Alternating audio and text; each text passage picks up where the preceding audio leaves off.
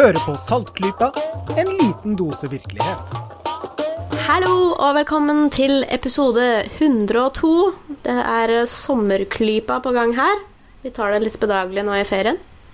Jeg for eksempel, eh, som heter Kristin, er litt eh, trøtt etter i går.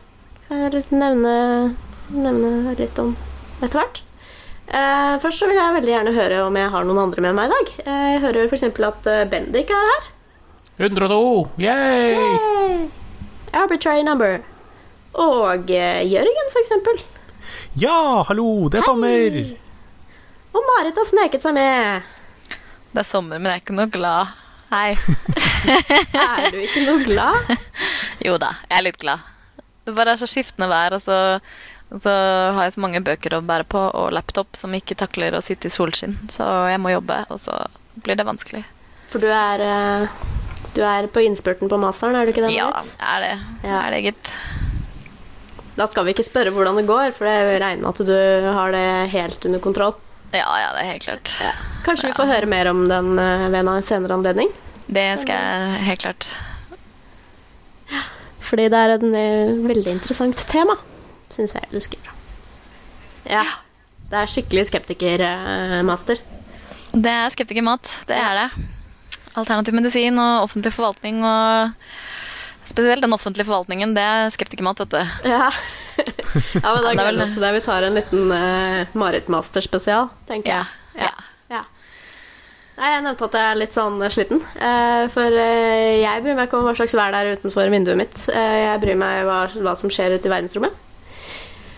Og i går var det jo da Altså, når denne episoden tas opp, så var i går en veldig, veldig historisk og stor dag. Da kommer vi endelig frem via New Horizons til Pluto.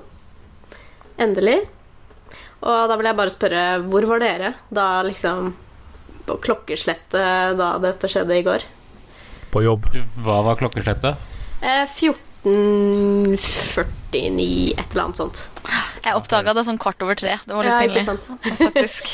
Da så jeg så mange postinger og det bildet, og jeg bare Oi, oi har det skjedd nå? Oi, Ja. oi! Visste jo at det var i går, jeg bare hadde ikke Nei. Ja, jeg var, jeg var også på jobb. Men det er klart, altså det er fellesferie, og det er en historisk hendelse. Jeg kan ikke sitte og bare tromme på tastaturet. Det er litt sånn som eh, Kanskje Men det er noen nyhetshendelser som er liksom så oppslukende og så viktige at hvis du ikke ser de live, så trenger du nesten ikke å se det i det hele tatt. Nei, det er litt sånn uh, altså, Har ikke dere så litt viktige jobber som meg, altså? Nei. nei. Er dette en av de nyhetsoppsakene som er så viktige? Ja, ja, altså Ifølge NRK Nyheter i går så var det ikke det. Da var det innslag om Pluto på 28 sekunder. Men 28 sekunder er ganske lenge på TV. Ikke i forhold til f.eks. sporten som kom etterpå. Ja. Ja. ja. Så jeg syns det var litt kjipt. Eh, men eh, vi har jo linket til på Facebook-siden vår. Så linket vi jo til forrige uke når eh, vi ble litt utsatt. Så linket vi til eh, Norsk Astronomisk Selskap sin lille tidtabell for Pluto-passasjen. For den fortsetter jo, den, den også. Det er ikke bare selve passasjen. Det vil komme data i lang tid fremover. Så den kan dere se på. Og dere kan også, hvis dere har lyst, se på en, en liten rant jeg skrev opp på Skeptic-bloggen eh, i går også, ettermiddag. Umiddelbart etter at alt hadde skjedd. Det var en god rant. Det var en god rant. eh, Det føltes bra å få det ut. Så eh, jeg er veldig glad. Det ble vin til maten, og det var historisk. Litt eh, Bare for å nevne det helt til slutt, at det er faktisk Nå har vi på en måte ingen flere verdener som vi skal, skal til for første gang. Det er nesten litt trist. Bare alle månedene. Bare alle månedene.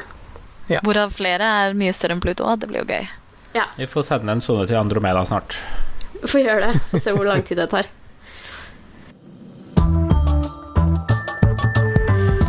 Eh, Men vi kan ikke bare være glad. Vi må ha en eh, trist eh, vaksinerelatert sak denne gangen òg, syns dere ikke det? Jo, vi må vel nesten det.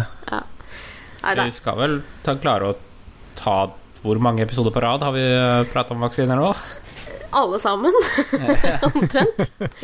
Eh, Ha-ha, sier vi. Uh, det er kanskje ikke så morsomt for uh, de som er pårørt av det som skjedde i USA for noen uker siden. Eller det vil si det skjedde tidligere i år, men det kom i mediene for noen uker siden at USA har hatt sin første dødsfall av meslinger på tolv år. Ja. Kjempetrist. og for tolv år siden så var det jo sånn at USA var om, om ikke de hadde gjort det, så var de på randen av å erklære meslinger for utryddet i landet. Og se åssen det gikk. Ja.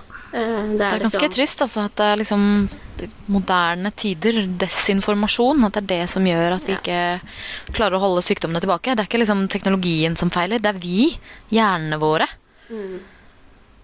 Det er måten vi tenker eh, over informasjon på, og ikke tenker over informasjon. Kan jo også nevne at eh, California nettopp har vedtatt en, en lov som gjør vaksinering obligatorisk for alle skolebarn i delstaten. Det syns jeg er ganske spesielt. Altså det, det trodde jeg ikke skulle gå gjennom, men det har de faktisk vedtatt nå. Og det viser jo hvor alvorlig de tar det, da.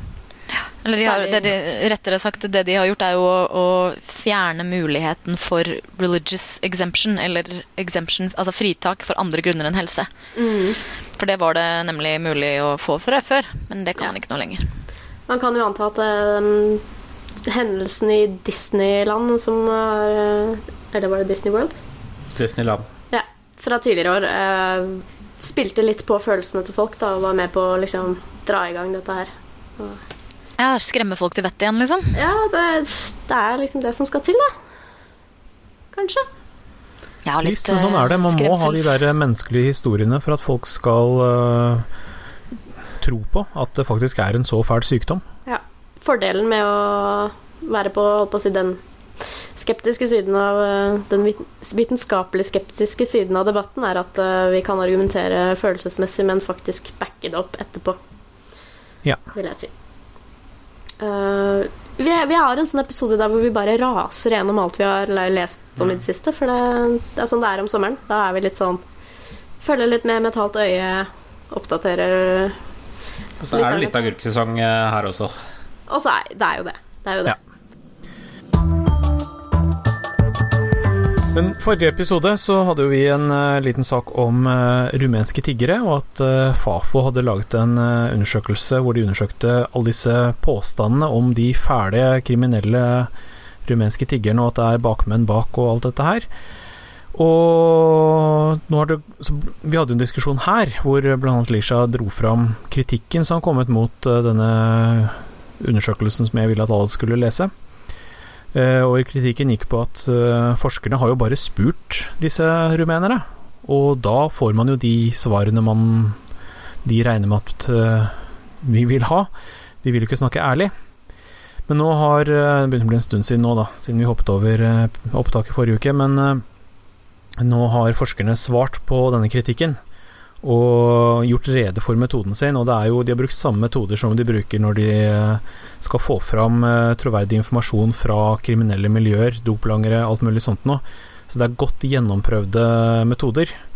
Så eh, de som vil, kan gjerne lese den artikkelen vi lenker til på forskning.no om metodene hvor de redegjør for dem. Så regner med dette blir litt klarere.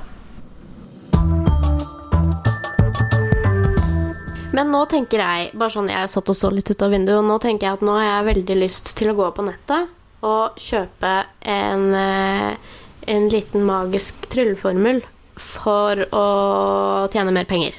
Hvor kan jeg få tak i det? Ikke på Etsy! Ikke på Etsy. Jeg kjøper jo alt på Etsy. Det er så mye fint der. Er det, ikke, er det virkelig ikke det, altså? Nei, altså Etsy er jo et kjempefint sted. For dem som ikke kjenner nettsiden, så er det et sånt sted hvor uh, småprodusenter kan selge ting de lager. Og lykke til hvis, du, hvis det er første gang du dykker ned der. Um, håper du kommer tilbake. Det er eh, lett å gå seg bort på Etsy og bli veldig blakk eller ikke skjønne hva i all verden man skal bruke pengene sine på. Det er, jeg, det er et fantastisk kjøpte sted. Jeg må bare si jeg kjøpte en, en, en, en, en et lite dovendyr av fylt uh, festet på en brosje. Fordi det var så fint. Det var det siste jeg kjøpte der. Jeg kan si det ble kjøpt en del eh, fra Etsy til, eh, som dekorering til bryllupet eh, vårt for halvannet år siden. Veldig mye crafts og tilbehør. Ja. Eh, Utrolig kult. Det er et veldig fint sted. Men de har altså hatt et problem med at uh, ganske mange tilbyr magiske ting. Uh, det som på engelsk kalles spells. Så magiske formularer og, og ting som altså, de mener har en reell magisk verdi, da, kunne man kjøpe der. Og det syns uh, de som styrer Etsy at det ikke var helt bra. Det er liksom litt problematisk i forhold til kjøpslover og litt ymse. Hvordan skal man vurdere kvaliteten på disse tingene, og det var ikke helt bra. Så de bestemte seg for at nei, det her skal vi bli kvitt. Og da har det jo selvfølgelig vært eh, stor oppstandelse blant de som eh, er glad i å handle i disse produktene. Naturlig nok. Hmm. Og så har det jo kommet en del klager, og så viser det seg jo at dette her er faktisk ikke så enkelt å rydde opp i. For hvordan definerer man magi? Godt spørsmål. Det høres ut som en veldig enkel sak å gjøre, ja. Men når jeg faktisk tenker over det, så er ikke det lett å definere, nei. Nei, for da har de prøvd seg med noen formuleringer om at eh, det er når eh, man tilfører en, en verdi utover det materielle. Eh, et eller annet sånt noe. Og poenget er at det gjelder egentlig fryktelig mye. Eh, hvis du sier at f.eks. den gjenstanden her har vært eid av en person som er veldig kjent, eller har gjort et eller annet spesielt eh, Så gjenstanden i seg selv kan være veldig normal, men det er jo historien den som gjør den spesiell. Da er jo det en ekstra verdi som ikke ligger i det materielle. Mm. Hvordan kan man skille det fra denne magien de selger, f.eks.? Så det her har vist seg å være ganske tungvint, uh, men jeg regner med det kommer til å blåse over, fordi at uh, ja, det er litt som sånn uh, typisk pornografidebatt, da. At man vet hva som er porno når man ser det. ja, det Hvilket ta et fryktelig fryktelig dårlig argument, men, uh, men jeg regner med det er litt sånn det kommer til å håndheves. Uh, og da kan man også nevne at uh, eBay innførte tilsvarende regelverk i, i 2012. Så Ja, Jeg husker det var, det var en sånn ting som Jeg tror kanskje det var en av de første blogginnleggene hos Skeptic som jeg liksom eh, leste og bare tenkte dette her er for en morsom gjeng. dette her. For det var da var Rebecca Watson som hadde skrevet om eh, spells hun hadde kjøpt på eBay. Og det var for liksom større penis eller sånne ting, og hun har jo ikke det engang. Men liksom Det var mye rart man kunne få spells for der, da. Eh, og så hadde hun liksom gått kritisk gjennom påstandene til og interaksjonene hun hadde hatt med denne selgeren. Det var ganske morsomt. Eh, ja. Det har jo vært litt lignende problemer også med mm, Kickstarter-type. Um, eller er det en annen Ja. som er sånn? Som tar imot eh, veldig sånn pseudovitenskapelige innovasjonspåstander. Ting som altså evighetsmaskiner og sånn, som søker funding. Og de har ikke noen måte å gå gjennom det på. Altså Det er jo masse svindelforsøk der. ikke sant? Jeg sier jeg Mm. trenger 50 000 til å mate hunden til bestemor, og så eh, tar jeg bare pengene. Ja. Eh, morsomste og kanskje minst saklige jeg noen gang kommet over, men som jeg likevel holdt på å le meg i hjel av, var han som skulle lage en potetsalat. Ja, ja, ja det var jo en en. klassisk sak. Så forklar, altså, sånn, uh, forklaringen under, uh, under saken der var bare I'm making a potato salad. Ja. Han fikk jo inn over 50 000 dollar eller noe. Han, han lovet jo Altså, den tok jo helt av. Den gikk jo er. Mye mer. Altså, Um, den ble helt vilt uh, funda. Men da, da var det jo masse debatt sånn Hvordan skal man egentlig forvalte disse pengene som blir samlet inn? Altså Hvis jeg ser det, og ser at han har oppnådd sitt mål om 8 dollar og 50 øre 50 cent for å lage en salat, og fortsatt velger å støtte ham, så er det jo fordi at jeg vil, at, jeg vil se hva hans kreative sinn kan finne på med de pengene, eller fordi at jeg syns at ideen var kul, og dermed kan han få gjøre hva han vil med mine penger. Han fikk jo 50 000 eller noe. Han sa han skulle lage en 55 000 kjempestor potato salad par da. 55 000. Ja, Stor nei, eh, altså, potato salad party, og invitere Ja, ja, alle som ville komme. Jeg har ikke fulgt med på hvordan det gikk med den, men Han forskjellen er hadde det, stor fest med potetsalat. ja, det vil, jo- Jeg vil jo regne med at det er ganske mange som prøvde seg i ettertid med noen tilsvarende på en måte eh, rare, små eh, prosjekter. Eh, men eh, litt av greia med en sånn kickstarter er jo det at eh, det kan egentlig gjøres bare én gang. Ja, Helt til Hellas eh, går konkurs. Helt til Hellas skal konkurs, ja. ja Det var noen som prøvde å crowdfunde en bailout for eh, Hellas, var det ikke det? Ja, det er det jeg ja, henviser til her. Eh, Den ja. rusler og går, den. Da Hellas gikk konkurs, så var det jo en som startet en innsamling for dem. Han fikk jo inn, uh, han fikk inn ganske mye, faktisk. Det var sånn 1,5 milliarder euro. Men Fy målet var jo 6000 milliarder euro. 6000 milliarder, ja. Mm. Så det, han nådde jo sånn 0,001 Ja. Ja, det, men det var jo ikke så verst. Altså, beløpet var jo stort. I vanlige termer. Jeg lurer litt på det der med, med, med grensesetting for eh, altså, hva er magi? Bare sånn for å komme litt tilbake til det. For jeg tenker sånn der, hvis, hvis noen selger en lykkeamulett, da, for eksempel, kan det defineres som en magi? Hva tror dere? Power balance. Veldig, ja, ikke sant? Det kan jo være en veldig pen ting, håndlaget mat. Ja, for du har jo en hel gruppe med smykker som eh, på engelsk kalles for charms, Ja. som eh, jo er smykker. Og, og som, det er jo bare en kategori smykker som kalles for charms, Mm. men en del legger jo faktisk en eh, magisk verdi i dem. Selv om det ikke er det det selges som. Ja.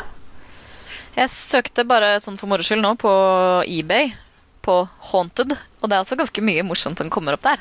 Eh, man ser jo at det er uh, mange rare ideer folk har om ting. Det er varer her fra 8 kroner og 50 øre til 3500. ja, så fint. Ja. Jeg syns bare det var en litt artig ting å, å ta med, fordi du viser liksom hvordan Ja, hvor, hvor uforberedt altså typ handelsstanden kanskje har vært på dette her, da. ja. Jeg har kanskje ikke tenkt på Tenkt på sånne ting. Tenkt på Nei. den delen av problemstillingen. Nei, det er sånne ting som har vært eh, utvekslet på undergrunnsmarkeder før, og nå er det plutselig oppe i søkbare markeder. Hva skal man få lov til å selge? Nei, eh, vi går videre. Eh, Det har vært rykter i det siste i mediene om at det blir en ny istid fremover. Ja, den norske sommeren har jo vært i gang, så Ja, norsk sommer, vet du, min favorittdag i hele året. Men er det noen som har noe eh, oppfølging der, og kan, kan fortelle litt om det? Unnskyld. uh, ja, eh, det var jo en sak i Dagbladet for litt siden Uh, med tittel 'Norsk forsker tror sola kan gå i dvale. Varsler ny mini-istid i Norge'. Det er alltid bra når saker begynner med en 'norsk forsker'. Eh, For da er det enten eh, noe som vi er veldig stolte av, eller så er det noe kontroversielt. Og som eneste grunn til at det blir slått opp, er fordi at eh, han er norsk. Ikke fordi det er bra innhold. Og i dette tilfellet så er det jo en, en kjent forsker, solforsker Pål Brekke, som er ved Norsk Romsenter, som da har lest en eh, eh, britisk forskningsrapport som eh, påstår da at eh, sola muligens, potensielt, kanskje er på vei inn i en ny eh, lav, altså svak solsyklus. Um, du vet, Som da er du- eh, svakere enn den vanlige elleveårssyklusen den uansett går gjennom, da. ja, Liksom sånn ja. For de har, lang, de har jo store variasjoner også, i tillegg til de De små. småperiodiske. Ja. Ja. Mm. Og Pål Brekke er jo et navn som mange skeptikere er kjent med, fordi han er en av de som mener at sola har større innvirkning på klimaet enn det eh, vi som eh, eh, lener oss på konsensus, altså at CO2 er den tingen som har størst effekt på klimaendringene. Um, så han er jo på en måte en sånn han er ikke klimaskeptiker som sådan, fordi han er enig i at klimaet endrer seg, men han mener at sola har en større eh, komponent i, i den endringen enn det de vanlige klimaforskerne påstår. Da. Og det er jo egentlig eh, hele denne debatten. Det blir liksom da slått opp stort at nå kommer det istid, og så blir alle leserne kanskje litt grann forvirret. Um, og så er i dette da hvert fall en med tanke på hvordan vi ser for oss en istid, i og med at vi ser for oss når noen sier ordet istid, så tenker vi sånn som Disney-filmen. I at alt er dekket av et tre meter eh, snølag, og det er eh, frosset over, og vi bor i igloer at best. Og, og jakter på kjempestore ullkledde elefanter. Ja. Ja. Mens i virkeligheten, en istid eh, har gjennomsnittstemperatur to grader lavere eller noe sånt nå. Ja, ikke sant? Eh, Den lille istiden som eh, var for 400 år siden, var jo, en, det var jo sult og hungersnød og sånne ting, men det var jo ikke noe sånn isdekke over hele Europa eller sånne ting. Det var bare dårlige år som da var for kalde for eh, mange av våre avlinger. Eh, Så det egentlig denne forskningsrapporten handler om, er liksom et spørsmål om eh, Altså, vi er interessert i å følge med nå og se hva sola gjør, og, og det kan gi svaret på om sola er mer viktig enn CO2 i klimaendringene, men det er ingen som betviler klimaendringene. Men det ser det jo litt sånn ut, ut med disse studiene, da. I hvert fall for eh, noen folk som leser slike artikler eh, eh, på følgende måte. Overskrift, ingress, og så går de rett til kommentarfeltet. Ja. Ja. Og bare noen dager etter at det opprinnelige oppslaget med da Pål Brekke som hovedkilde eh, var, så kom det et nytt oppslag som har akkurat samme utgangspunkt. Men da var overskriften 'Britiske forskere sikre', kolon, mini-istid allerede innen 15 år. Det henviser til akkurat den samme saken, eh, men ender i hvert fall da med et avsnitt om at eh, de fleste forskere i verden som driver med klima, sier at eh, CO2 er eh, viktig. Og liksom best case så kan en sånn istid kanskje ta og, sakke konsekvensene våre eh, Sakke konsekvensene av klimagassutslipp med omtrent to år. Men det, burde, det kommer sannsynligvis ikke til å være nok. Men eh, denne, det ser jo liksom ut som at de fleste som forsker på sola, mener at sola er dritviktig, og så mener alle de som forsker på klima, at CO2 er dritviktig. Så vi får nå se da hvem det er som vet mest om klima. Om det er solforskerne eller om det er klimaforskerne. Så forskere er også litt tatt av det der eh, effekten uh, som vises i det engelske ordtaket. The tool you have is a hammer, then everything looks like a nail. Det kan nok hende, det. Ja, Eh, jeg bare syns det er en trend. altså Det paperet som har kommet ut Hun er også altså Valentina Sarkova heter forskeren. Hun er ved Northumbria University. Hun er matematiker, uh, men har da jobbet med solmodeller. Variasjon i solstråling. Og da kommet med prediksjoner. Så det er liksom en matematiker og en solforsker som sier at eh, sola er viktig.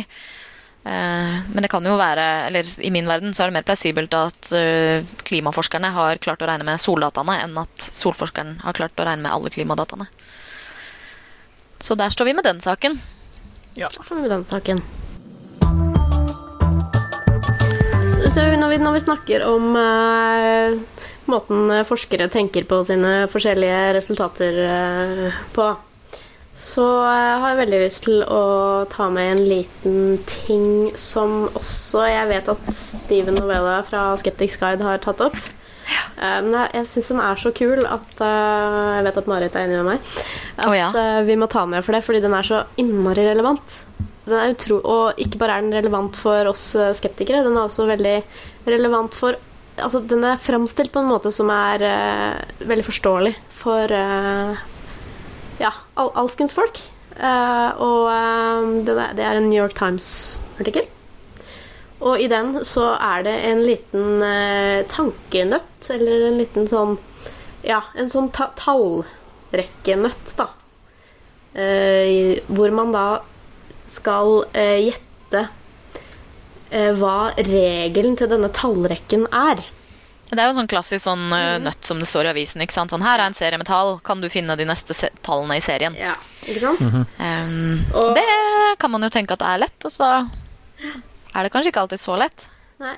Og jeg har veldig lyst til at uh, hvis det er noen som ikke har hørt om denne her, så vil jeg at dere skal trykke pause nå og gå inn på linken som vi har i uh, notatene våre. Og så leser dere den. Man kan også søke, jeg bare fant ut hva man kan søke på for å sannsynligvis få den øverst. Den ligger da i New York Times. Og hvis man søker på The Upshot, altså upshot, oppskudd, upshot, og så Logic Puzzle, så kommer den høyt opp blant treffene. Den ligger da på New York Times blogg. Den heter A Quick Puzzle yeah. to Test Your Problem Solving Skills. Så hvis dere mm, som ikke har hørt om den nå, bare går og, og leser den, og trykker pause, og så er dere tilbake nå og har gjort den, og føler dere Jeg, jeg regner med at ca. halvparten av dere kommer til å føle dere litt dumme, men eh, ta det med ro. Det gjorde jeg også, for jeg, eh, jeg gikk rett på. Jeg blir spart for det hele, for jeg hørte Skeptics Guide kommentere det før jeg var inne og sjekka. Så jeg har Samme svaret. her. Jeg var litt redd for at jeg skulle bomme, så jeg turte ikke å pause og ta testen. Jeg kjørte bil, så det var liksom ikke aktuelt å stanse bare for å ta den testen. Bare for å øh, gå øh, kjapt igjennom, da, så er det altså du blir, øh, du blir presentert for en rekke tall, som er følgende to, fire, seks, åtte. Og da, skal man da kan man da skrive inn et tall etter den der for å sjekke om Flere tall, faktisk. Ja, flere, man, kan, man kan ha flere forsøk på seg, eh, og så skriver man inn tall, så trykker man på sjekk om denne følger regelen. Altså om dette tallet følger regelen. Når jeg er inne på testen, så får jeg ikke 2468, jeg får 248. To, fire, ja, ja Faktisk. det stemmer. Det er faktisk helt riktig. 248. Du blir da presentert med en tallrekke. Uh, I den artikkelen så står det da følgende tall. 248. Jeg vet, jeg vet, jeg vet, jeg vet, hva det blir til. Ja, og da, Jeg da er gammel datanerd datonerd. Jeg vet Ja, hva det blir. sant? Og da, da gjetter man automatisk. Da, da ser man at det er et mønster. Hva ville du skrevet i det neste feltet da, Jørgen? 16. Hvorfor det? Fordi dette her er uh, binærtall. Uh, altså bittall. Eller bare dobling, da, for oss ja. vanlige folk. Eh, eh, formelen to opphøyd i ekste. Og det gjorde jeg også. Og jeg trykket 'sjekk om det stemmer', og ganske riktig, den bekreftet det jeg trodde. Eh, Veldig imponerende da, at du tok den så fort. ikke sant? Og da kunne man bare si eh, 'trykk her når du vet regelen', eller når du tror du vet regelen.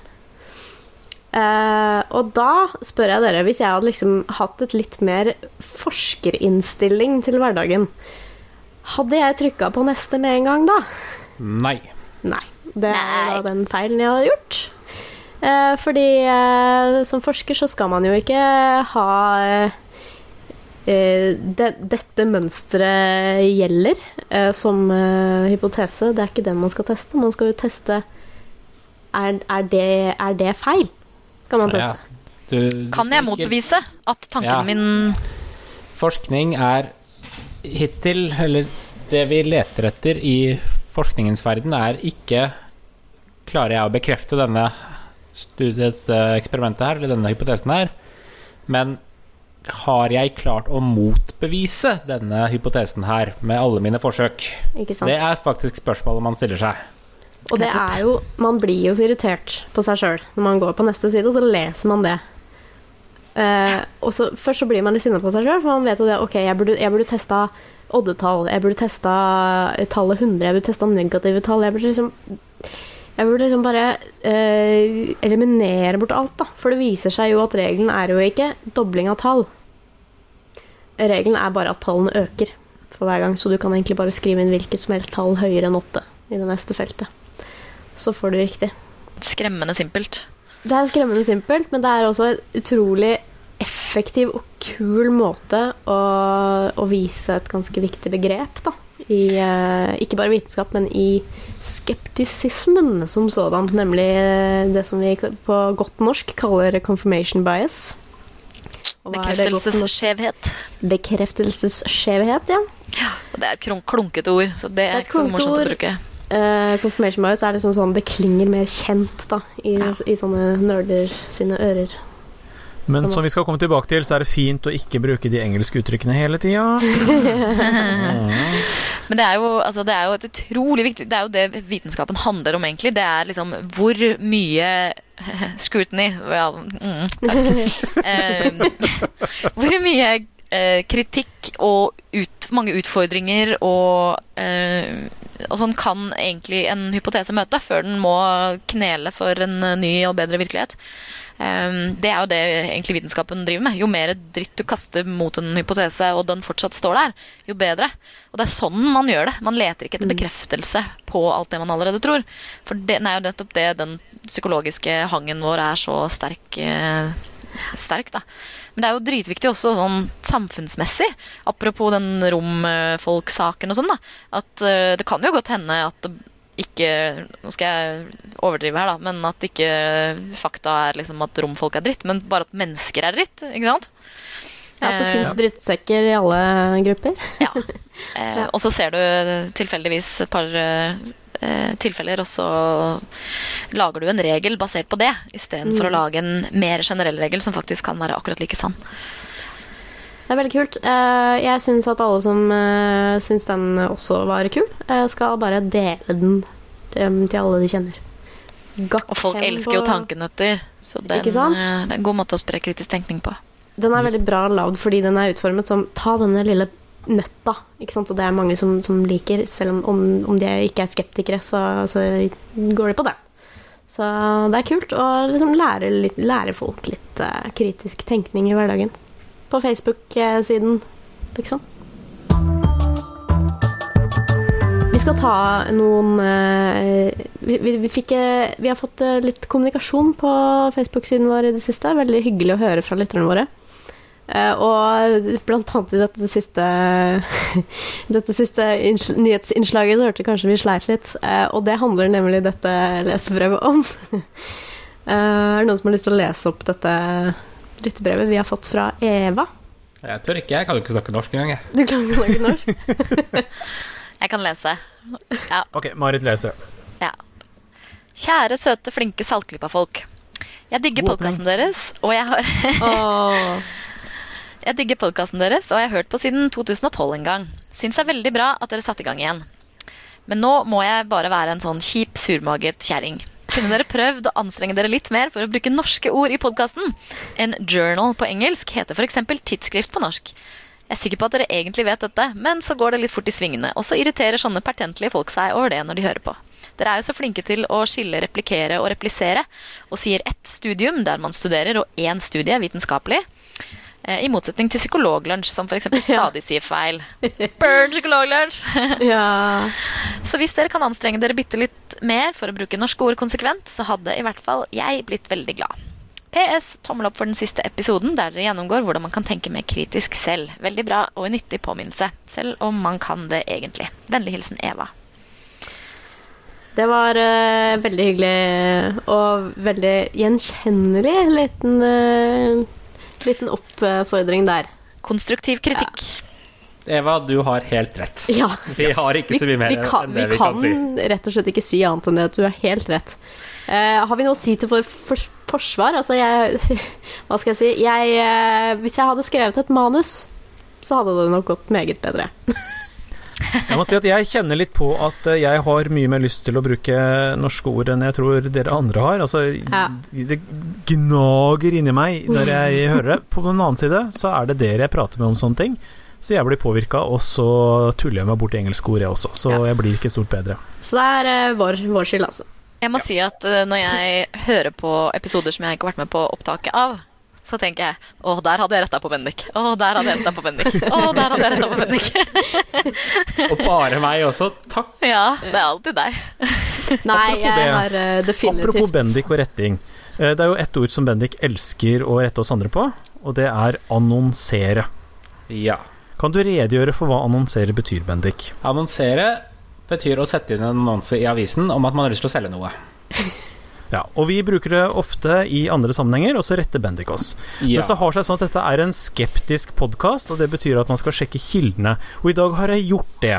Så jeg sitter her med bokmålsordboka og skal her lese opp fra eh, annonsere, som da ligger under annonse.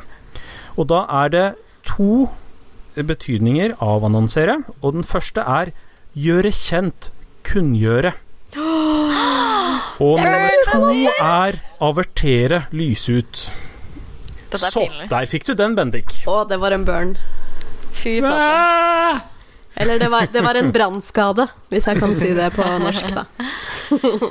Det var litt morsomt også at jeg leste dette lesebrevet uh, rett etter at jeg hadde hørt uh, hvilken episode var det, mon tro. Det må ha vært forrige episode. Og der er det en av dere som sier 'replisere' istedenfor 'replikere'. Faktisk, Og det er jo akkurat eksempelet som Eva nevner. Det var Så vi er ikke så flinke til å skille replikere og replisere, faktisk. Nei. Nei. Nei. Uh, vi har Altså, jeg skal ikke forsvare oss. Uh, dette er ingen sånn derre non-pology, som det også heter på godt norsk. Uh, jeg skal ikke forsvare, men jeg vil bare nevne at jeg er sånn at når jeg er på sånn løssnakkemodus, som vi ofte er her på Saltklypa, så jeg tenker jeg kanskje ikke helt uh, over setningene mine før jeg sier det. Jeg tenker liksom bare på innholdet i setningen, ikke oppbyggingen. Det er jo noe vi, vi snubler over til stadighet, i og med at mesteparten av faglitteraturen som vi leser Ja. for dette her, er jo på engelsk. Og bloggene. Der lærer vi oss det, de engelske ordene og uttrykkene der. Og bloggene og podkastene vi hører på, er på engelsk, osv., osv. Og jeg merker det også i, daglig, i jobben min. Jeg er jo dataperson.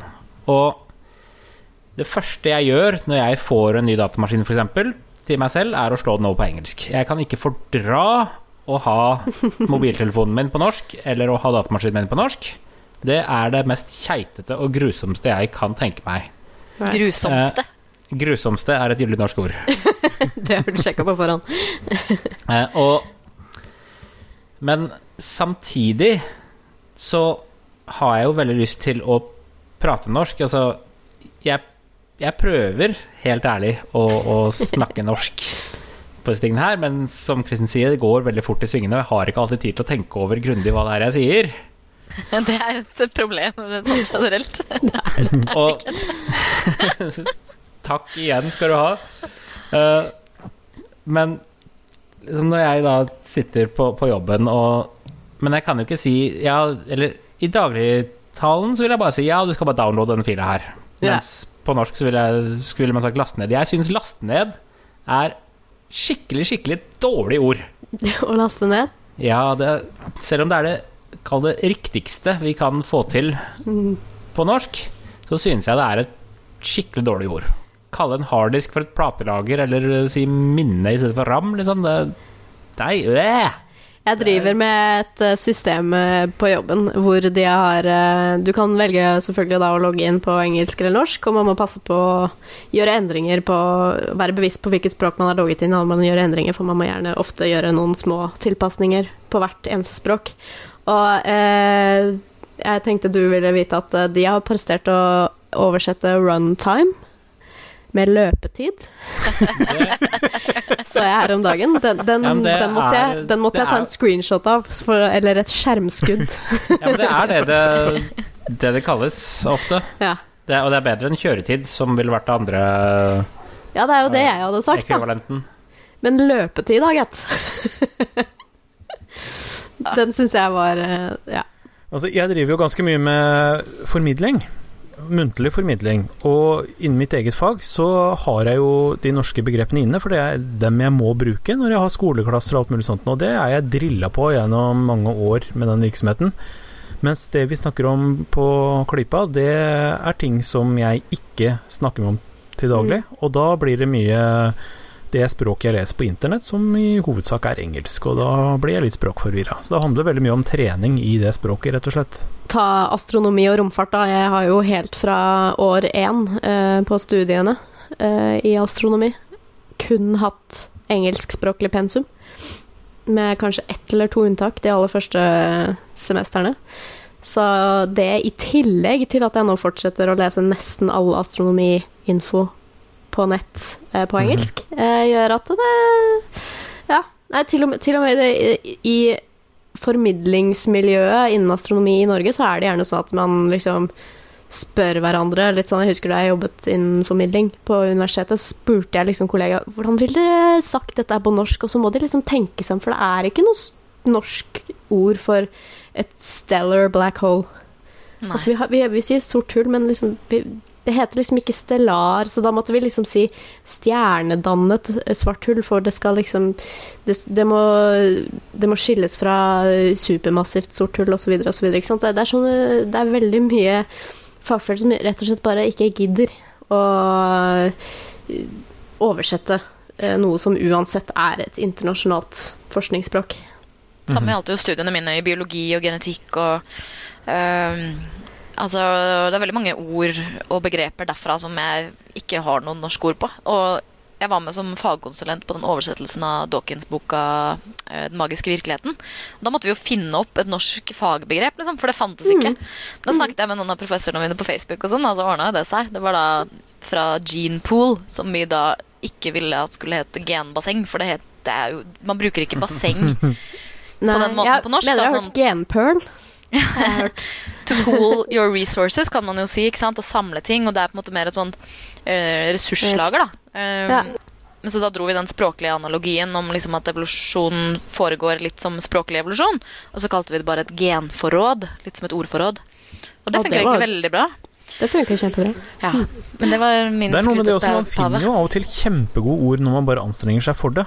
Eh, Så jeg syns jo man skal anstrenge seg for å bruke norsk. Ja, men igjen, du, du, du kom opp med ordet genforråd etter å ha rådført deg med ganske mange andre folk og brukt litt tid på Facebook og pratet med andre folk. Helt klart. Had, hadde du bare måttet skulle tatt dette her på sparket i en samtale, så hadde du aldri klart å komme opp med genforråd der og da. Aldri. Og det er jo eh, klassisk. altså På forum.skepsis.no og inne på Skepsisforumet så har det vært mange tråder med kan vi oversette disse logiske feilslutningene til norsk. Eh, ikke sant? Eh, confirmation bias, f.eks. Eh, mange sånne logi ja, logical fallacies. Ja. Ja, ikke sant. Mm.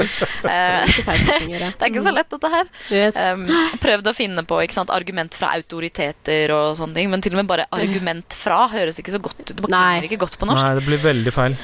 Ut og- fra, i- kanskje. Ja, men det er jo liksom lange tråder da, som prøver å løse dette her. Så det er bare å hive seg inn og prøve å, å endre. Skriv en bloggpost eller et eller annet og få det ut på Ja. ut Kanskje du, kanskje du skriver den bloggposten som gjør at uh, vi får et nytt ord, altså. Inni Ja. for, forrådet vårt. Mm. Et norsk skeptikerordforråd. Men jeg føler jeg må Vi har si i hvert fall fremdeles tankefisking. Tankefisking er Tankefisking. genialt. den er veldig god. Den er fin.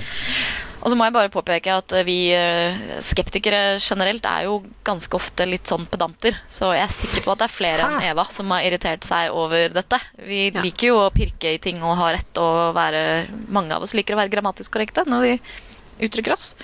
Um, så, Du mener så å det uttrykke seg grammatisk korrekt? Pedant, jeg? Nei. Hva om vi tar eh, og, og starter en sånn søsterpodkast som kommer eh, sånn fem minutter etter hver vanlige episode av Saltklypa, hvor vi da diskuterer språket i forrige episode av Saltklypa. det kunne vi gjort. Eh, Men eh, en annen ting som jeg syns det er verdt å si, er jo at vi eh, da vi starta Saltklypa, det var jo i gode gamle dager, når det ikke var så veldig mye norsk skeptikeraktivitet. Um, og jeg husker Bendik og jeg, når vi starta blogg for mange år siden også, så starta vi jo den på engelsk, fordi vi tenkte at det var det språket vi måtte kommunisere på for å liksom være effektive skeptikere. Og så gikk det en stund, så tenkte vi nei, vet du hva, vi må faktisk jobbe litt på norsk, fordi det er, nettopp fordi det ikke er noe på norsk, og da trenger vi noe på norsk. Så liksom det at vi valgte å ha Saltklypa som en, en norsk podkast. Vi har jo lenge kalt den det. En norsk podkast om vitenskap og kritisk tenkning. Ja. Det var jo nettopp for å påpeke at vi faktisk er det norske perspektivet, da. Så ja, vi tilstreber å være norske. Men det er ikke alltid så lett. Vi snubler en del. Men takk for eh, innlegget, Eva. Det, og fortsett sånn. Eh, gjerne konstruktivt. Dere må gjerne si ting som dere syns er dumt, eh, men det er klart det er lettere for oss å faktisk tenke litt over det og gjøre noe med det hvis det er konstruktivt. Sånn som Eva skriver. Det var veldig, veldig hyggelig. Ja. Vi tar vel et par anbefalinger sånn på tampen av, eh, før vi fortsetter sommerferien vår, gjør vi ikke det?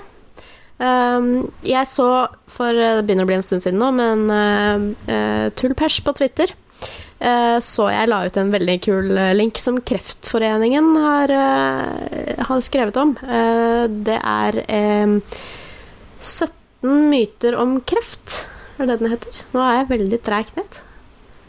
Jeg tror det er 17. Myter om kreft heter bare siden. Ja. Jeg skal, bla, jeg skal bla meg helt ned. Se. Det er 17. Det, jeg husket helt riktig. Det er veldig kult. Det er, det er sånn som man kan uh, spamme sosiale medier med hvis man er borti en, eh, en eh, kamerat eller en eh, familiemedlem som liker å poste detox-kurer og litt sånn om denne grønnsaken er kjent for å være veldig bra mot kreft og ja. Som for eksempel eh, myten om at uh, at uh, man uh, Skal vi se, for eksempel Å, det er så mange her! Det er så mange her. Sånn som det finnes en kur for kreft, men legemiddelindustrien, parentes helsevesenet slash alt mulig, hemmeligholder den, for eksempel, eller eh, for eksempel forskjellige mirakelkurer som B17, og, eller at kreft egentlig er sopp i blodet, eller eh, ja. Og, og dette her med kanskje sånn som ikke er helt åpenbart at er en myte første gang man leser den. f.eks. For at sukker gjør at kreftcellene vokser raskere. Eller at det har noe med pH-verdien å gjøre, at du kan spise supermat. Altså sånne ting. Eh, veldig kul eh, liten oppsummering der. Eh, ja, Kreftforeningen er jo grei og Ja. grei autoritet på det området. Men klart, stoler man ikke på noen autoriteter, så hjelper det kanskje ikke. Men jeg har lyst til å bare dele det Det er noen av disse punktene hvor jeg kjenner at hvis jeg hadde skrevet det, så hadde jeg skrevet litt mer, men på den annen side så hadde det blitt en diger rant. Der kom et sånt engelsk, enkelt, engelsk ord igjen. Rant, rant. på norsk. Altså. Tirade er det beste Tirade. ordet jeg Tirade. kommer på. ja. i- Det som er så flott ordet. Glimrende Bendik, takk. Men uh, for eksempel den der myte sju som du nevnte her, finnes en kur for kreft med legemiddelindustrien eller helsevesenet hemmeligholder den. Der vil jeg f.eks. ha føyd til at uh, det er faktisk konkurranse mellom legemiddelfirmaene. Sånn at uh, hvis noen fant et middel eh, som var enkelt tilgjengelig, som kunne utkonkurrere noen andre, så ville de bitt på, f.eks. Så den konspirasjonsteorien vil ikke Det er helt idiotisk. Men, men. Noen andre anbefalinger? Ja, eh, jeg har kommet over en ny podkast. Som om jeg ikke hadde nok podkaster å høre på. Å nei, enda en! Ja, nei, men den er eh, kjempebra, og det er i eh, kortformat som jeg tror de fleste vil akseptere å ha i spillelista si.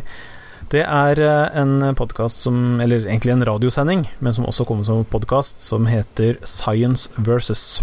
Som er utgitt av Australian Broadcasting Corporation, ABC. Ja, det er bra. Ja, Ja. Og det er sånn uh, 10-20 minutters eh, episoder hvor de tar uh, Ja, viser hva er en vanlig påstand om noe, og hva sier vitenskapen. Og det er veldig grundig og veldig lett tilgjengelig. Jeg syns det er kjempebra, de episodene jeg har rukket å høre. Og for eksempel en episode, nylig episode de hadde om eh, e-sigaretter, som jo er en sak jeg har tatt opp her, og som jeg følger veldig nøye med på. Eh, de har en veldig fin gjennomgang av det, blant annet.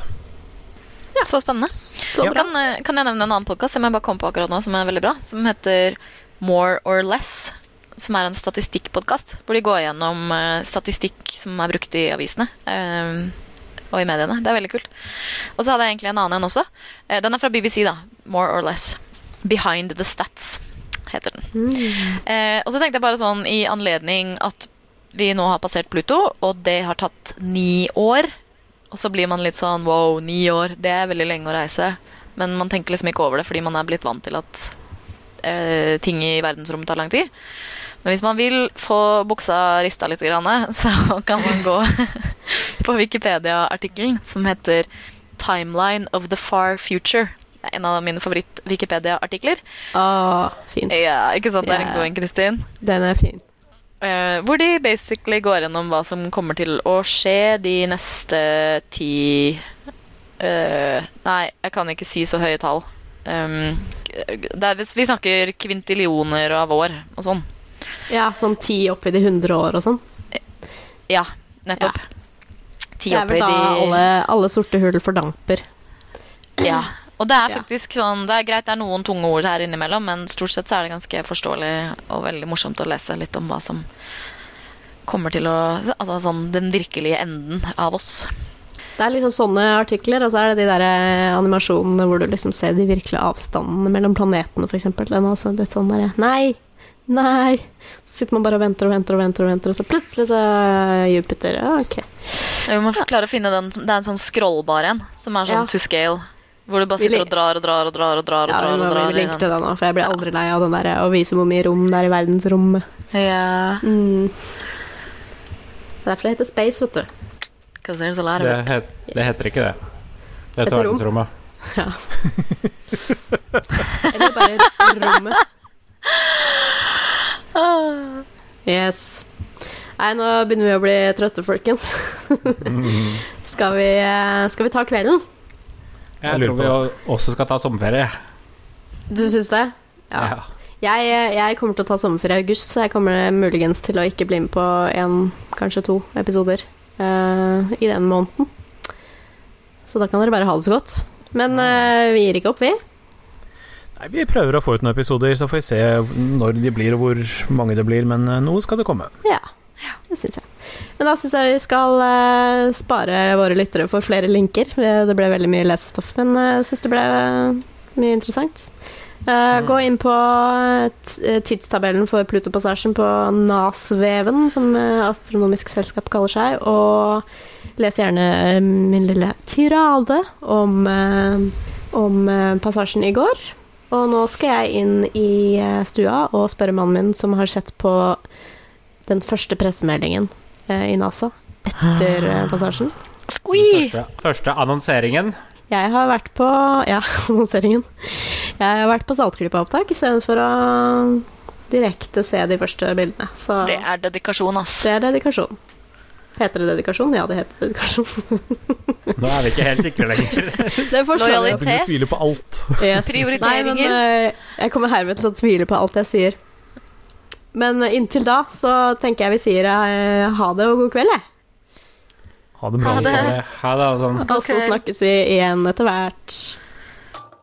Saltklypa lages av Kristin Lisha, Jørgen og Bendik. Har du spørsmål, anbefalinger, ris eller ros, send det til post at saltklypa.no, eller finn oss på Facebook.